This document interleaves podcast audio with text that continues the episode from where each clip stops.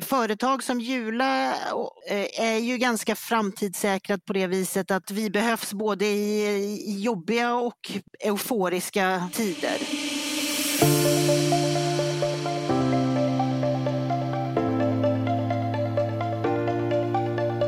Hej och välkommen till Detaljhandelspodden avsnitt nummer 45. Och vi som pratar som vanligt Jonas Arnberg och Magnus Olsson. Och idag har vi en fantastisk gäst som ju kan allt om handel, både från ett akademiskt perspektiv, forskning, skriver, inte minst från ett praktiskt och är med och utvecklar en av eh, sista årens raketer får man väl säga i Jula. Varmt välkommen hit Margareta Boström. Tack så mycket. Tack! Roligt att få vara med. Ja, men det här ska bli väldigt kul. Vårt upplägg är att vi kommer snacka, vi börjar alltid lite utifrån, snacka retail. Sen kommer vi in på eh, Julas affär som vi ser väldigt mycket fram emot och liksom få ditt perspektiv på. Sen har du skrivit ett par böcker. En om lojalitet, det var skrivit många, men alldeles nyligen en om lojalitet och en mm. om Amazon som vi är lite nyfikna Precis. på att höra mer om. Mm. Innan vi sätter igång vill jag bara hälsa från våra vänner på e-boxen som är med oss och hälsar att eh, nu finns det ännu fler leveransboxar där ute. De finns nära där människor bor och visste ni att snart finns det lika många boxar som utlämningsställen? Kan ni tänka er? Ett viktigt meddelande också till alla ni som planerar inför Black Friday och jul och storhelgerna är att se till att öka valfriheten för kunden genom att koppla upp er mot e-boxen. Vill ni veta mer så prata med ert transportbolag så säkrar ni maximal flexibilitet och eh, frihet för konsumenten i checkouten. Eh, ni kan också lyssna på avsnitt 28 av Detaljhandelspodden där kommunikationschef Marcus Trautman på e-boxen gästar. Eh, nu kör vi! Började du skriva böcker och sen hamna i retail eller hur började du? Ja, jag jobbade ju inom eh, högskolevärlden ett antal år. Och där eh, så skrev jag min första bok tillsammans med en eh, numera doktor i företagsekonomi som heter Mikael Hernant som är välkänd inom eh, den akademiska delen av retail kan man säga, detaljhandelshögskolan så, så där började jag skriva böcker och det var väldigt roligt och det kliar i, liksom, i strupen att få säga någonting. Eller i fingrarna att få skriva ner det man tänker. Så att det är kul. Det är en hobby. Och sen gick du ut i en butik och tänkte nu ja, där ska jag visa dem att det, att det går att göra actions på det här också. Nej, men sen så akademin är ju liksom väldigt cirkulär, alltså det går i cirklar kan man säga. Och det där var roligt i fem år typ. Sen var det inte så kul för mig som egentligen är ganska kreativ. Så att eh, jag tänkte att jag skulle inte vara kvar. Och då öppnades en möjlighet att börja jobba på Jula. Kan du inte berätta lite grann vad du, vad du faktiskt gör på Jula? Det är ju ett spännande företag. Det är ett fantastiskt företag som blir spännande ju längre man jobbar där, eh, ärligt talat. Och jag jobbar som insiktsansvarig och som affärsutvecklare. Och, och insiktsansvarig handlar helt enkelt om att samla ihop information åt framförallt ledning och styrelse men även åt övrig organisation och att göra de eh, eh marknadsundersökningar som vi behöver få gjorda. Eh, men sen jobbar jag också med affärsutvecklingsprojekt, det vill säga att vi på Jula ska börja göra någonting som vi inte redan gör. Är det något system som ska uppdateras eller någon process som ska förbättras, då är inte jag inblandad utan jag gör sånt som är helt nytt för kedjan. Och där gör jag business case och jag gör oftast tester och sen när det ska gå i produktion, då lämnar jag över det till driften. Hur genererar du dina insikter? På uh, olika sätt och lite beroende på vad, vad det är man ska samla information om. Uh, men jag har ju en ongoing datainsamling i mig själv, höll jag på att säga, med, med den omvärldsbevakning som man gör varenda dag genom att följa branschpress och annan press och eh, poddar, LinkedIn, till att göra regelrätta kundundersökningar eller undersökningar, antingen desktop eller eh, via eh, olika intervjumetoder. Har du en, eh, en, en Jula-panel som du, som, varje, som du brukar få svara på frågor från dig? Ja, vi, vi utnyttjar eh, Jula klubbmedlemmarna till att ställa frågor och de eh, är ju väldigt villiga att svara. Eh, vi får mycket hjälp av dem och hög svarsfrekvens så att de är på. Vi har ju, ja det är ju kring tre miljoner medlemmar så att basen är ganska stor. Men det fina med eh, att använda Jula Klubb det är ju att vi kan vara jäkligt spetsiga i vem vi frågar. Som när jag undersökte eh, värmepumpar förra året. Då kunde vi ju faktiskt pinpointa de kunder som köpte värmepumpar de senaste sex månaderna. Så att, så att det blir väldigt spetsigt och man får, man får liksom rätt svar. Eller svar av rätt personer menar jag. Tre miljoner, hur ofta handlar de? Alltså de handlar ungefär eh, mellan fem och tio gånger per år. Ni måste vara en av Sveriges största kundklubbar. Absolut, men du vet, Jula, Jula är ju var mans egendom. I, i Orvesto-undersökningen förra året, tror jag, eh, så kom det fram att 69 procent av Sveriges vuxna befolkning besöker Jula minst en gång per år. Eh, och 35, besö 35 procent besöker oss eh, minst en gång per kvartal.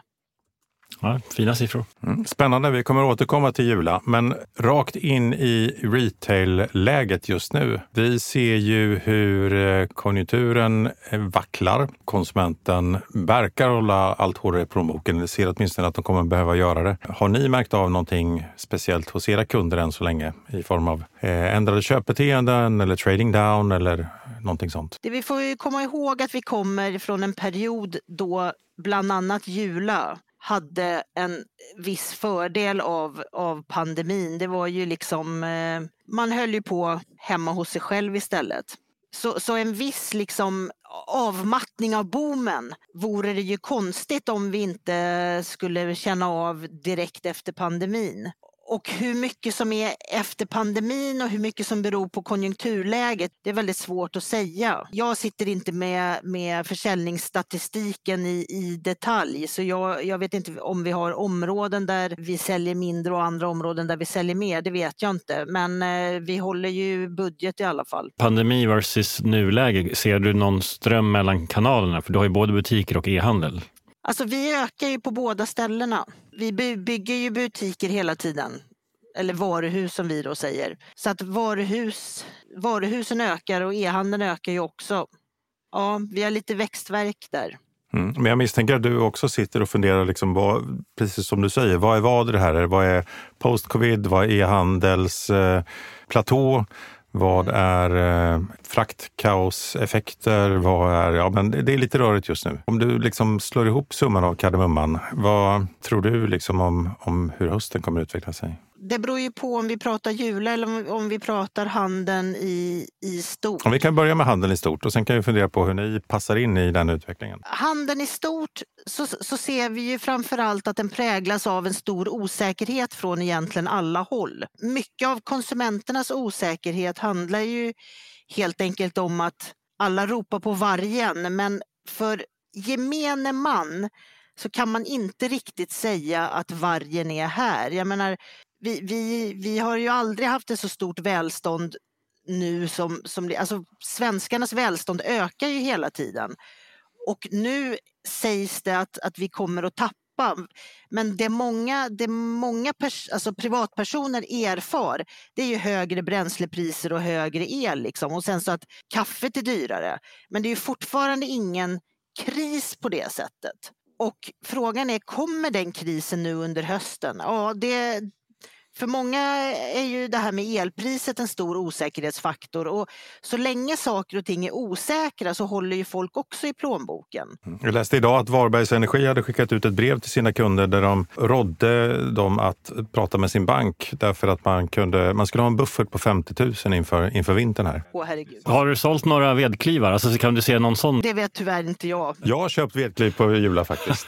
ja, vi, alltså, vår Scheppach vedklyv, det är ju en trogen den. Den köper man bara en gång i livet. Den behöver man aldrig köpa om. Jag tar det på orden där. Mm. mm.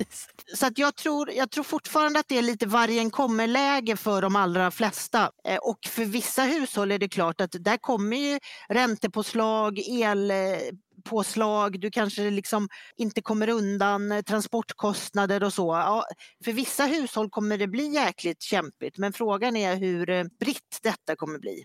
Hos företagen blir det ju då en osäkerhet i, liksom, i hela sourcingkedjan. Hur mycket vågar vi ta hem? Hur lång tid ska det ta? Hur lång beställningshorisont behöver vi ha?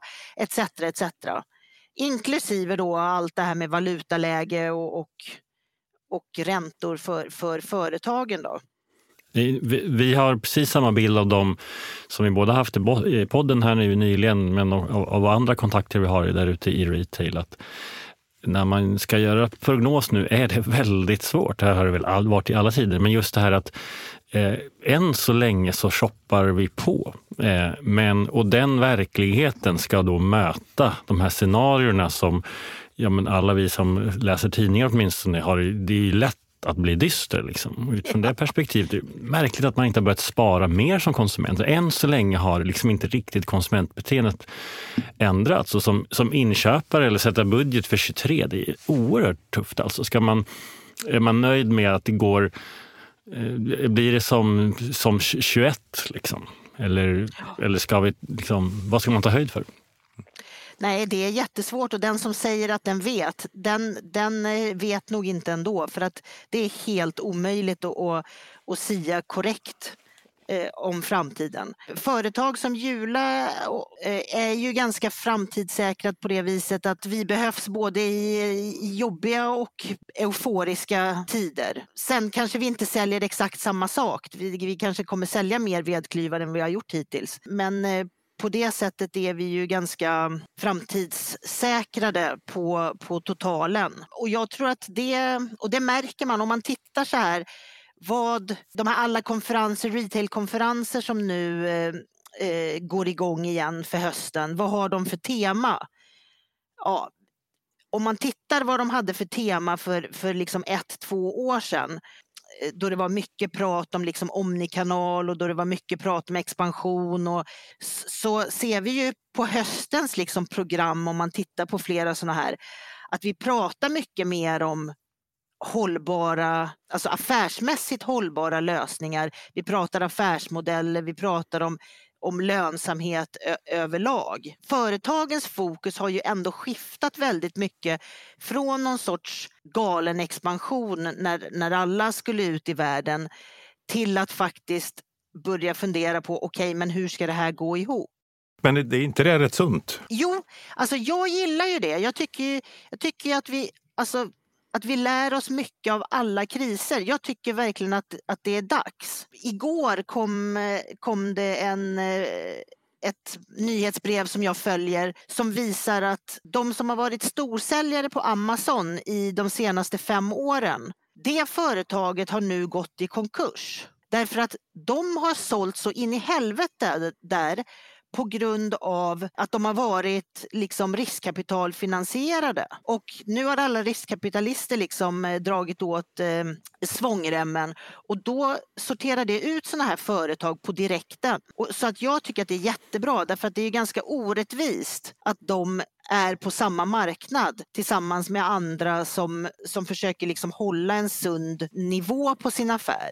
Du beskriver riskkapital som en form av subvention eh, som snedvrider konkurrensen. Ja, men, men lite så. Och, och jag tycker att det är toppen att, att sådana bolag finns för att hjälpa till i starten och över en viss fas. Men jag menar, du måste ju hålla dig inom ramarna liksom för vad som är möjligt. Och en affärsidé måste kunna bära sig själv. Den allra första boken som jag skrev tillsammans med Hernant, den heter ju just Lönsamhet i butik. Den handlar mest om marknadsföring och konkurrens och lokala förutsättningar och sådär. Men i grund och botten så måste allting utmynna i en lönsam affär. Så jag tycker att det är bra. Men givet att snabba cash inte liksom är på agendan just nu då eh, och att kapital, riskkapital spelbolagen kanske inte sprider sina pengar lika, lika vilt som de gjorde under eh, de, de glada dagarna. Mm. Tror du att liksom, vi går mot en, en utslagning i en konsolidering på något sätt? Ja, det, det tror jag. Om du inte är extremt nischad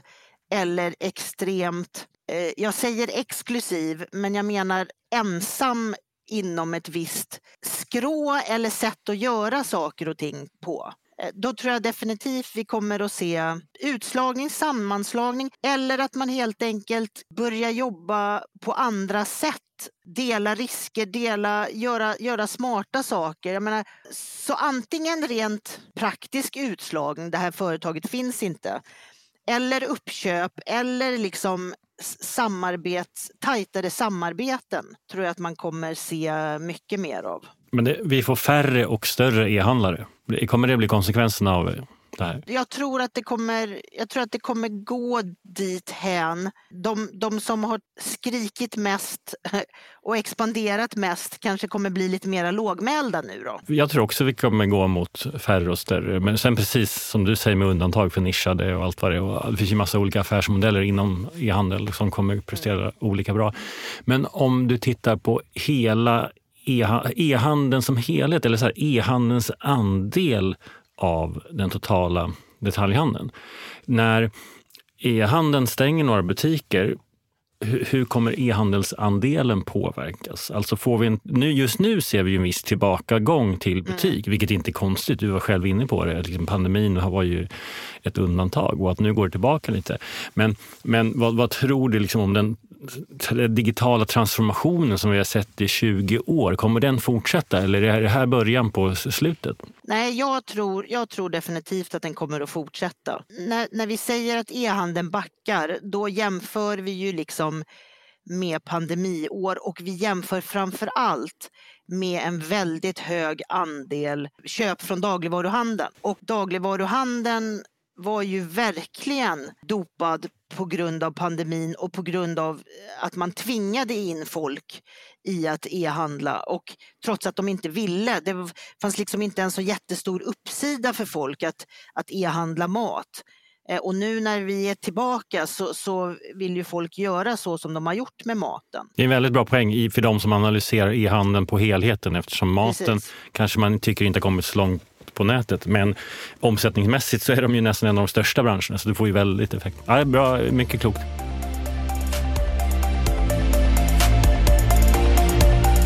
Visst är det så att Jula en gång öppnade e-handel och sen stängde man det och nu är man igång igen. Kan du inte hjälpa oss? Vad, vad var det som hände och hur tänkte man? Eh, nej men Jula är ju, var ju i grund och botten, eller startade som ett postorderföretag eh, och var ju det väldigt väldigt länge, ja någonstans eh, 12-13 år, hade vi ju bara postorder. Och sen så började vi ju då med butiker eh, och någonstans där i utvecklingen så, så kom det här ju fram att vi skulle ha e-handel. Så att vi var ju väldigt tidiga med e-handeln och när vi hade rullat den parallellt med med liksom vanlig postorder med, med papper och penna eller man ringde in och, och, så. Så kändes det så här att nej, nu måste, vi, nu måste någonting hända med den här e-handeln för att vi hade byggt in oss i lite system. Och, så att då var det ju, då var det ju time att levla upp. Men sam, i den vevan så hade vi ju också siktet inställt på att göra en ordentlig expansion när det gällde varuhus eh, och vi gick in i Polen som var vårt tredje land och kände att vi kanske inte riktigt mäktar med att eh, också förnya e-handeln mitt uppe i, i detta. Och då tog man faktiskt det beslutet att stänga ner den e-handel som vi då, då hade. Och var är vi då i tiden ungefär? Då är vi 2012 tror jag det är. Och vad, vad, vad, vad drog ni för lärdomar av det? Och liksom, vad, när ni öppnade upp i sen igen, vad var det som utlöste det och hur tänkte ni då? Hur tänkte, tänkte ni annorlunda då? Liksom? Vi eh, öppnade ju sen e-handeln eh, dryga fem år senare igen och då var det ju på en helt annan teknisk nivå. Vi hade ju ett mycket mer modernt, liksom, eh, ja helt enkelt backend system eh, och kunde helt enkelt göra saker och ting mycket mera ordentligt. Eh, sen hade ju vi under hela den här perioden ändå våran tryckta katalog som ju var väldigt populär. Så att hela det här arbetet med produktinformation, bilder och allt sånt där, den löpte ju på hela tiden. Så att, att starta e-handeln eh, utifrån, alltså materialmässigt, informationsmässigt, var ju ganska enkelt, även om det krävdes andra bilder för webben än för än för e-handeln och, och, lite annan information så var det ju ändå mycket som kunde samexistera. När slutade med katalogen? Det har jag inte ens tänkt på. Sista gången var eh, 2017 och första gången var 1980. Usch. Mm. Men fem att- år sedan alltså. Hur länge ger du Biltemas katalog? Det, Våga. nej, det kan jag inte svara på. Okej, Jag vet bra. inte. Men är, är det många som saknar den? Nej, men det var ju världens liv där ett tag. Ja, saker ska vara som de alltid har varit. Japp, saker ska vara som de alltid har varit. Liksom. Och, och det var ju, alltså det var inte så lätt för oss heller. Katalogen definierade ju vår, vårt verksamhetsår kan vi väl också säga. Man, man gjorde saker i cykler för att katalogen skulle ut två gånger om året. Det, den präglade ju företaget väldigt mycket också. Men eh, bortsett från den initiala chocken när det var precis som du sa Magnus, att saker och ting ska alltid vara som de har varit. Så har ju, vi har ju, kan ju inte säga att vi har tappat någonting. Eh, det, det är i och för sig lite svårbedömt för vi har ju hela tiden blivit bättre och vi har öppnat fler varuhus etc. Så att det är lite svårt att säga. Men vi tycker ändå inte att vi har tappat. Men det var, det var ett plåster. Och, och nu är det ett antal e-handlare i USA och även andra som går tillbaka till katalog eh, istället för att annonsera på Google för att det är billigare med katalog. Eh, hur, hur, har ni fått ersätta den? Har ni sparat någonting rent, rent liksom marknadsföringsmässigt också? Alltså katalogen var ju en jätteapparat, liksom både, både arbetsmässigt och tryckkostnader, distributionskostnader och, och, och så vidare. Så att det var ju många miljoner som sparades eh, på grund av det. Jag tror vi, vi har ju ganska stora fördelar av att vi har både varuhus och e-handel. Så att för oss blir det ju, Jula är ju mer liksom på ett annat sätt i folks vardag än om du är bara en e-handlare. Men låt oss gå in på det, för, det där är, för nu, nu är ni ändå en e-handlare på toppnivå i den här kategorin. Liksom. Nu har ni, Precis. och, och, och, och berätta om, du var inne på det, hur, hur stöttar butik och nät varandra? Jag är väldigt glad över att vi sitter i den eh, position som vi, som vi gör. För att jag menar, vi är ju många här, inklusive er tror jag, som, som har pratat väldigt mycket om att vi ska sluta säga e-handel och vanlig handel. Utan vi ska bara prata handel och, och det tycker jag att vi kan göra på Jula för att vi, vi ser fler och fler synergieffekter mellan e-handeln som kanal och varuhusen. Eh, och för oss så handlar det ju Alltså det finns ju många självklarheter. Så här. Du kan handla på e-handeln och lämna tillbaka i varuhuset om du vill. Du kan också beställa orders som går eh, eh som du sen kommer och hämtar i varuhuset. Och, sen, och, och vice versa. Man kan få hjälp i varuhuset att beställa en order som kommer hem eh, via e-handel. Då. Eh, och framförallt så nu för tiden så kan vi ju också få en e-handelsorder som vi plockar i varuhusen. Så har vi saldo på en order så plockas inte den på centrallagret eh, utan den plockas eh, i varuhuset. Om kunden då har valt, valt att hämta i varuhus. Men, men hur, hur många produkter har du i ett varuhus jämfört med centrallagret? Lika många eh, om du säger antalet artikelnummer. Sen är det ju klart att det finns väldigt många fler handskar på centrallagret. Just det, men du har liksom inte 5 000 artiklar i butik och 30 000 Nej. på... Sen på centrallagret ligger ju säsongsartiklar som övervintrar, till exempel snöslungorna. De åker ju lite in och ut om de inte tar slut. Men normalt sett så av, av säljbart så är det samma antal i eh, varuhus som i, på webben. Re, rent av kanske fler i varuhusen eftersom det är en hel del grejer som vi inte säljer via e-handeln som luftgevär och bensin och vissa såna spraytuber och grejer. Du, eh, ni har ju en del kollegor inom det man lite slarvigt kallar för big box-kategorin, det vill säga Mm. andra duktiga lågprisaktörer. Och det finns ju alla möjliga. Vi har nämnt Biltema, vi har nämnt, eh, det finns ju någonting som heter Rusta. Det finns eh, Lager 157 och andra, andra som också eh, var, fortsatte att expandera under, under eh, pandemin till och med, när, när man rekommenderar folk att inte gå och handla i fysiska butiker. Eh, det är inte jättemånga som är så, på, så bra på e-handeln i, i den här kategorin. Är det för att man inte satsar på grund av att man är, har tillräckligt bra affär i den fysiska butiken? Eller vad, vad tror du är skälet till att det är så? Men jag, jag tror eh, vi då, Jula, även Jula och, och, och kollegorna i branschen som du nämnde, vi är ju sjukt intresserade av butiksdrift. Hela vårt väsen, allt ifrån inköp, sortimentsutbud etc. etc. är ju skräddarsytt slash sprunget ur butiksdriften. Så det är väl som att säga till en sprinterlöpare att han helt plötsligt ska börja med stav, med gång liksom. Man är inte van vid det. Det tar emot liksom, det är ganska svårt eh, att anpassa sig till, till i och för sig samma rörelsemönster fast ändå på ett annat sätt. Så att jag tror att en hel del ligger i att, att butiksdriften är så starkt rotad.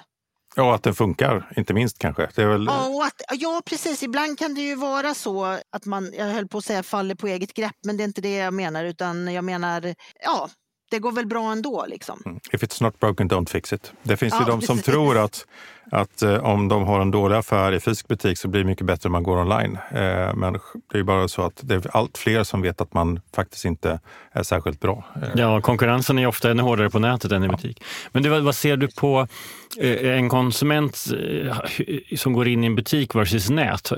Utvärderar ni liksom kanalerna på olika sätt och hur ser snittköpet ut i de olika kanalerna?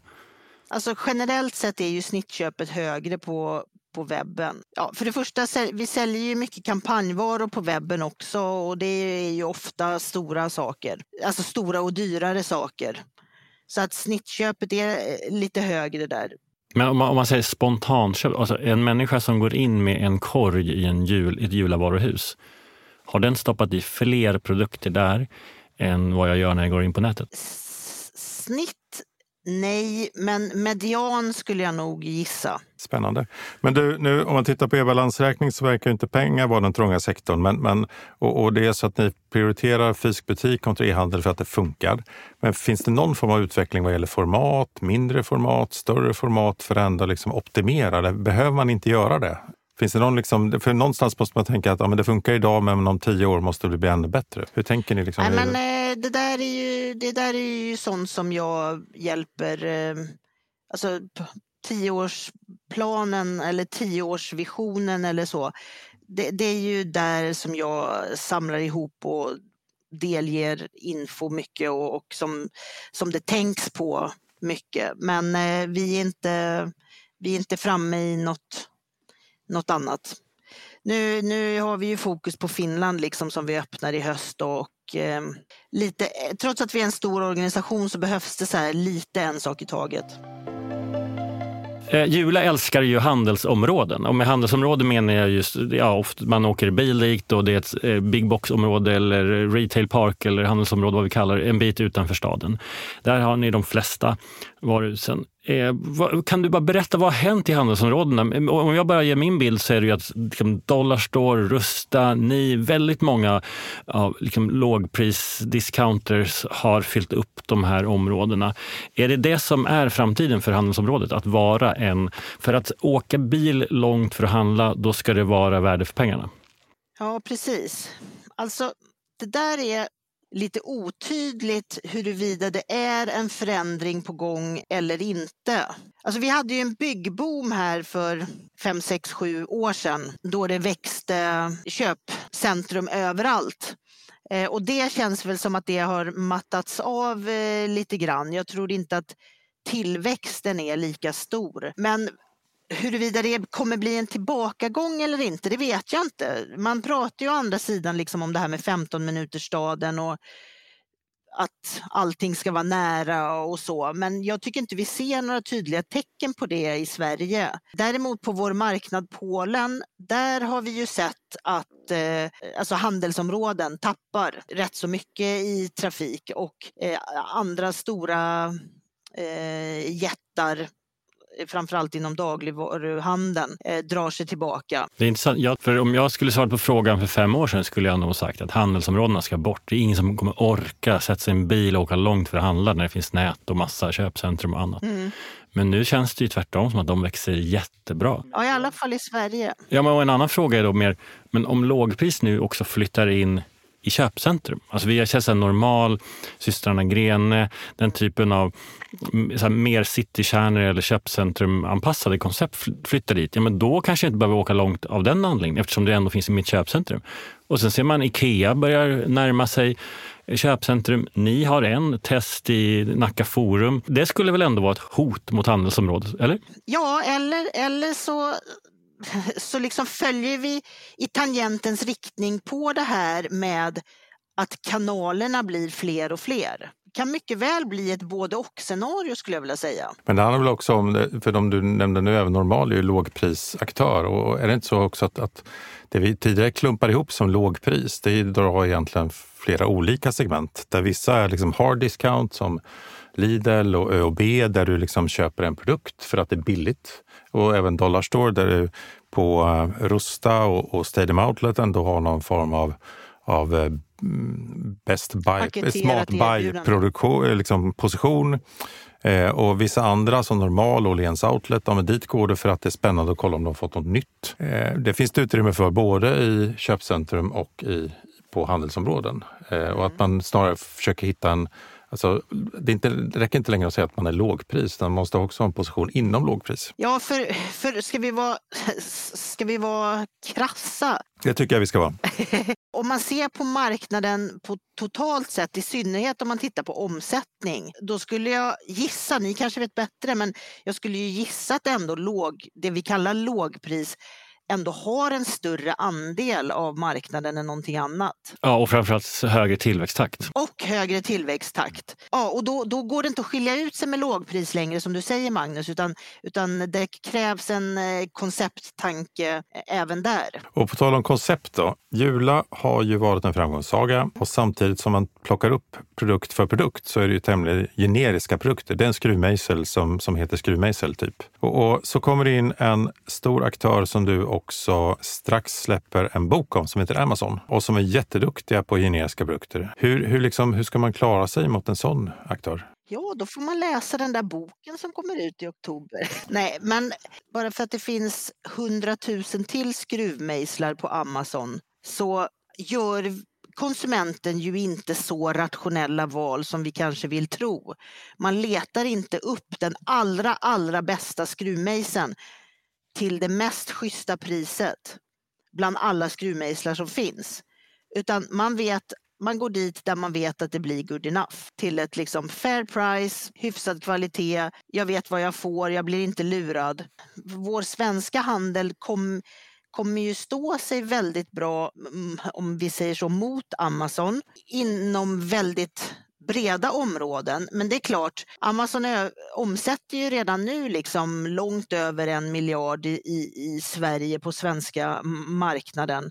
Så den där miljarden skulle ju kunna gått någon annanstans. Så det är klart att, att Amazon utgör en konkurrent till till hela svenska detaljhandeln. Och det finns ju massor med fantastiska produkter och möjligheter att eh, handla där. Men det jag tycker också är spännande med Amazon och anledning till att jag ville skriva den där boken, det är att det är ett fantastiskt företag ur liksom kulturellt perspektiv och de kan sätta press och liksom hjälpa svenska företag att, att bli bättre med lite kniven på strupen. Hotet om att Amazon kommer är ju ganska gammalt i Sverige. Jag vet inte om det är det som har gjort att vi vi kanske har de senaste åren exploderat på leveranslösningar på vår marknad. Det var ju länge, länge, länge, länge en och samma leveranslösning för e-handeln och sen så ökade det lite grann. Men säg de tre sista åren så har ju utbud på leveranser och leveransmöjligheter exploderat. Motivation är en bra motivationsfaktor också. Ja, men precis. Dels för att det sätter eld i baken på företag och tänker så här, ja men det där kan man ju göra. Plus att det sätter eld i baken på att fan nu måste vi göra något för annars kommer vi inte ha någon affär kvar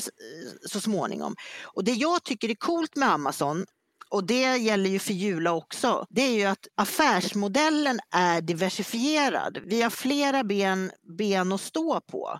Eh, Jula Holding nu som ju då är huvudägare till Jula äger ju sedan några år Högs hästsport och vi, sen har vi en hotellkedja numera och vi har liksom ett antal miljöbolag och vi har egna vindkraftverk och så vidare. Och Amazon är ju likadant. Jag menar, de lever ju på sin AVS och sen så har de ju streamingtjänster och de har liksom massor med olika företag som, som inte går under Amazon labeln. Och på så sätt så hjälps de här verksamheterna åt och det tycker jag att svenska företag kan inspireras av. Och ett sånt här bra exempel det är ju distributionen av morgontidningarna har ju skötts av många distributionsbolag runt om i landet.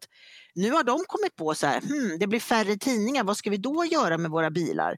Nej, men då kör vi ett distributionsbolag för för e-handelspaket och går samman och gör tillsammans det här bolaget Early Bird. Eh, som ju är en genialisk idé. I, I grunden har de ju inte gjort något annat. De har sina bilar och de kör förbi här som de alltid har gjort. Men nu har de med sig paketen. Så att de har breddat affärsmodellen och det tror jag kommer bli, det kommer jag, tror jag att många kommer behöva fundera på. Hur ska vi tjäna pengar på totalen? Vad kan vi göra hur kan vi liksom bredda vår verksamhet? Och det behöver ju, vissa saker kan vara publika och andra saker kan vara icke-publika.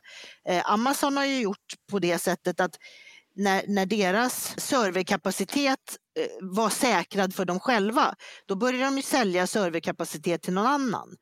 Eh, Likaså med deras logistikverksamhet, när den var säkrad för dem själva, då blev de ju en tredje, då började de sälja tredjepartslogistiktjänster och deras butikskoncept, personallösa butiker, där man går in och sen så går man bara ut, just walk out konceptet. Den tekniken har de ju börjat sälja nu till andra aktörer.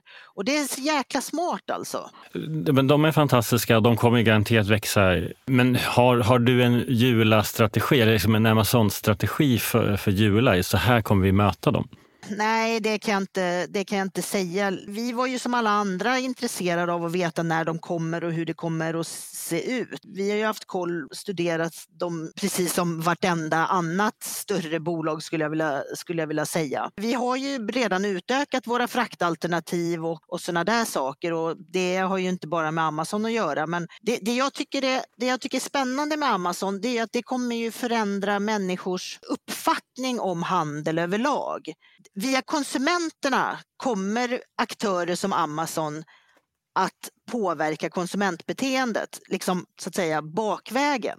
Konsumenten kommer ställa högre krav på oss genom intåg av bland annat Amazon. Och den här boken har du skrivit tillsammans med Anna Nordlander som också kan mycket om eh, Amazon. Precis, hon är Amazon-nörden. Jag är lite mer Amazon-skeptikern i, i den här konstellationen. Vad heter boken? Eh, den heter Amazon-koden och är helt enkelt för den svenska marknaden hur man ska förhålla sig till Amazon eh, ur lite olika perspektiv. Inte bara om man vill sälja på Amazon, det handlar boken egentligen i mindre grad om, utan helt enkelt vad man kan lära sig av dem och inspireras av. Eller förstå hur de funkar och varför de kan ses som ett hot. Och den kommer i oktober. Ja. Och, eh, innan vi slutar så måste vi också hinna med den senaste boken och ännu ett ämne som du brinner för, nämligen lojalitet, eller hur? Precis, ja. Den, eh, den kom ju ut för något halvår sedan drygt. Den heter ju Lojalitet på riktigt och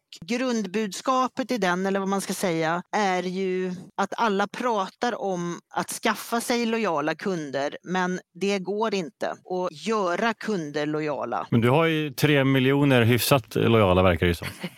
ja, det, det vet vi ju inte riktigt. Många av dem är beteendemässigt lojala, ja kanske. Men alltså börja inte sådär Jonas, för då kan vi hålla på hur länge som helst. Jag kan prata jättelänge om det här. Men, men det du gör skillnad mellan är ju att ha många transaktioner hos dig och samtidigt kanske lika många hos andra. Eh, men när man blandar ihop att en, en stor kund hos mig kan vara en stor kund även hos någon annan eh, därför att jag är intresserad av, av, av kategorin. Och, och, det betyder att jag är helt icke-lojal samtidigt som jag köper en gång per år och köper det bara hos Jula, då är jag ju superlojal. Precis. Share of wallet är den mest intressanta siffran i de här sammanhangen och det är den som är i princip omöjlig att faktiskt fastställa. Men det är exakt så Magnus, att bara för att någon köper ofta hos en så, har, så är inte det i sig ett tecken på lojalitet. Och det måste ju vara ett av Sveriges eller världens mest missbrukade ord. Ja, jag vet. Det var därför det var så viktigt att skriva om det. Okay. Det är till och med så här, ordets definition är ju, är ju också så här missbrukat. Så det finns mycket problem med det där ordet som vi, som vi då har försökt att bringa reda i. Men, men förlåt, om, oavsett hur vi definierar lojalitet, vad är det jag som handlare vill uppnå? Det är väl ändå att eh, om en kund tänker på ett behov och, och det är inom mitt område så vill jag att de går till mig. Liksom. Ja, och, precis. Och hur, hur uppnår jag det? Genom att vara tillgänglig och enkel skulle jag vilja säga. Människan är ju en ganska lat varelse och vi, vi vill inte varken mentalt eller fysiskt springa några maratonlopp för att göra våra inköp. Utan det ska vara enkelt ur ganska många perspektiv och det ska vara tryggt ur andra perspektiv. Det gör handeln väldigt enkel, Margareta. Det ska vara, man ska finnas där människor finns, man ska göra det lätt och dessutom så säger du att, sa du innan att det räcker med att vara tillräckligt bra så klarar man sig mot Amazon. Men lite rolig också. Nej, men alltså, jag uppfattar det ganska roligt att gå in i ett Jula-varuhus. Jo, men det får, ju vara, det får ju vara lite roligt och det får ju vara... Alltså, jag tror att de allra flesta som handlar på Ikea tycker att det känns liksom hemtrevligt och, och, och lite spännande, även om det inte är speciellt spännande liksom hur kul är det med en soffa. Men det är ändå lite så här, jaha, vad har de hittat på nu? Och så är det, så är det ofta i, i en julabutik också, att oj, vad finns det nu då? Även om man kanske inte handlar överallt så, så är det den lite enkla känslan. Och enkel då ska vi inte blanda ihop med banal, utan, utan Smooth. Smooth, precis. Vi var inne lite på e-handel inledningsvis och vi brukar ställa ungefär samma fråga till alla. Eh, e-handeln dubblades, det är helt sjukt, mellan 2018 och 2021. Eh, lite tillbakagång nu, men, men e-handeln har säkert dubblats i en om fem, sex, sju år. Jag vet inte om du håller med. Men, men, men när den har gjort det, eller om du bara tittar fem år framåt, vad är de stora skillnaderna då jämfört med idag? De stora skillnaderna kommer inte ligga i e-handelsytan som folk har framför näsan. De stora skillnaderna kommer ligga i backend. Det vill säga hur vi sourcar och producerar de produkter som kunden väljer. Det kunden ser kommer nog inte skilja sig så mycket inom en tioårsperiod. Däremot vad som händer när man har tryckt på köpknappen, det kommer att förändra sig Eh, jättemycket, både tror och hoppas jag. Vi måste komma till en smartare produktion av grejer. Det är inte smart att producera väldigt mycket som skeppas över halva jorden och som sen tar upp plats och pengar i ett, i ett lager. Jag, jag, tror att det kommer minska väldigt mycket, mer i vissa branscher än andra. Men till exempel om vi tänker på kläder, accessoarer, glasögon, en mängd olika saker så kommer de att produceras när de är beställda och också fraktas i mycket, mycket kortare sträckor än vad vi gör idag. Om du översätter den här utvecklingen då till, till Jula och hur, hur ni ser ut om fem år, vad, vad kan vi möta då som konsumenter? Eh, alltså, känslan, känslan kommer vi ju behålla på alla sätt. Vi kommer ha, ha liksom kommit en del längre i vår e-handelsutveckling. Eh, e-handeln kommer få ta mer plats eh, internt hos oss och som jag sa, vi, är, vi älskar varuhusen och det kommer vi fortsätta att göra. Men, men vi kommer att, att ge andelsmässigt lite mer kärlek åt e-handeln.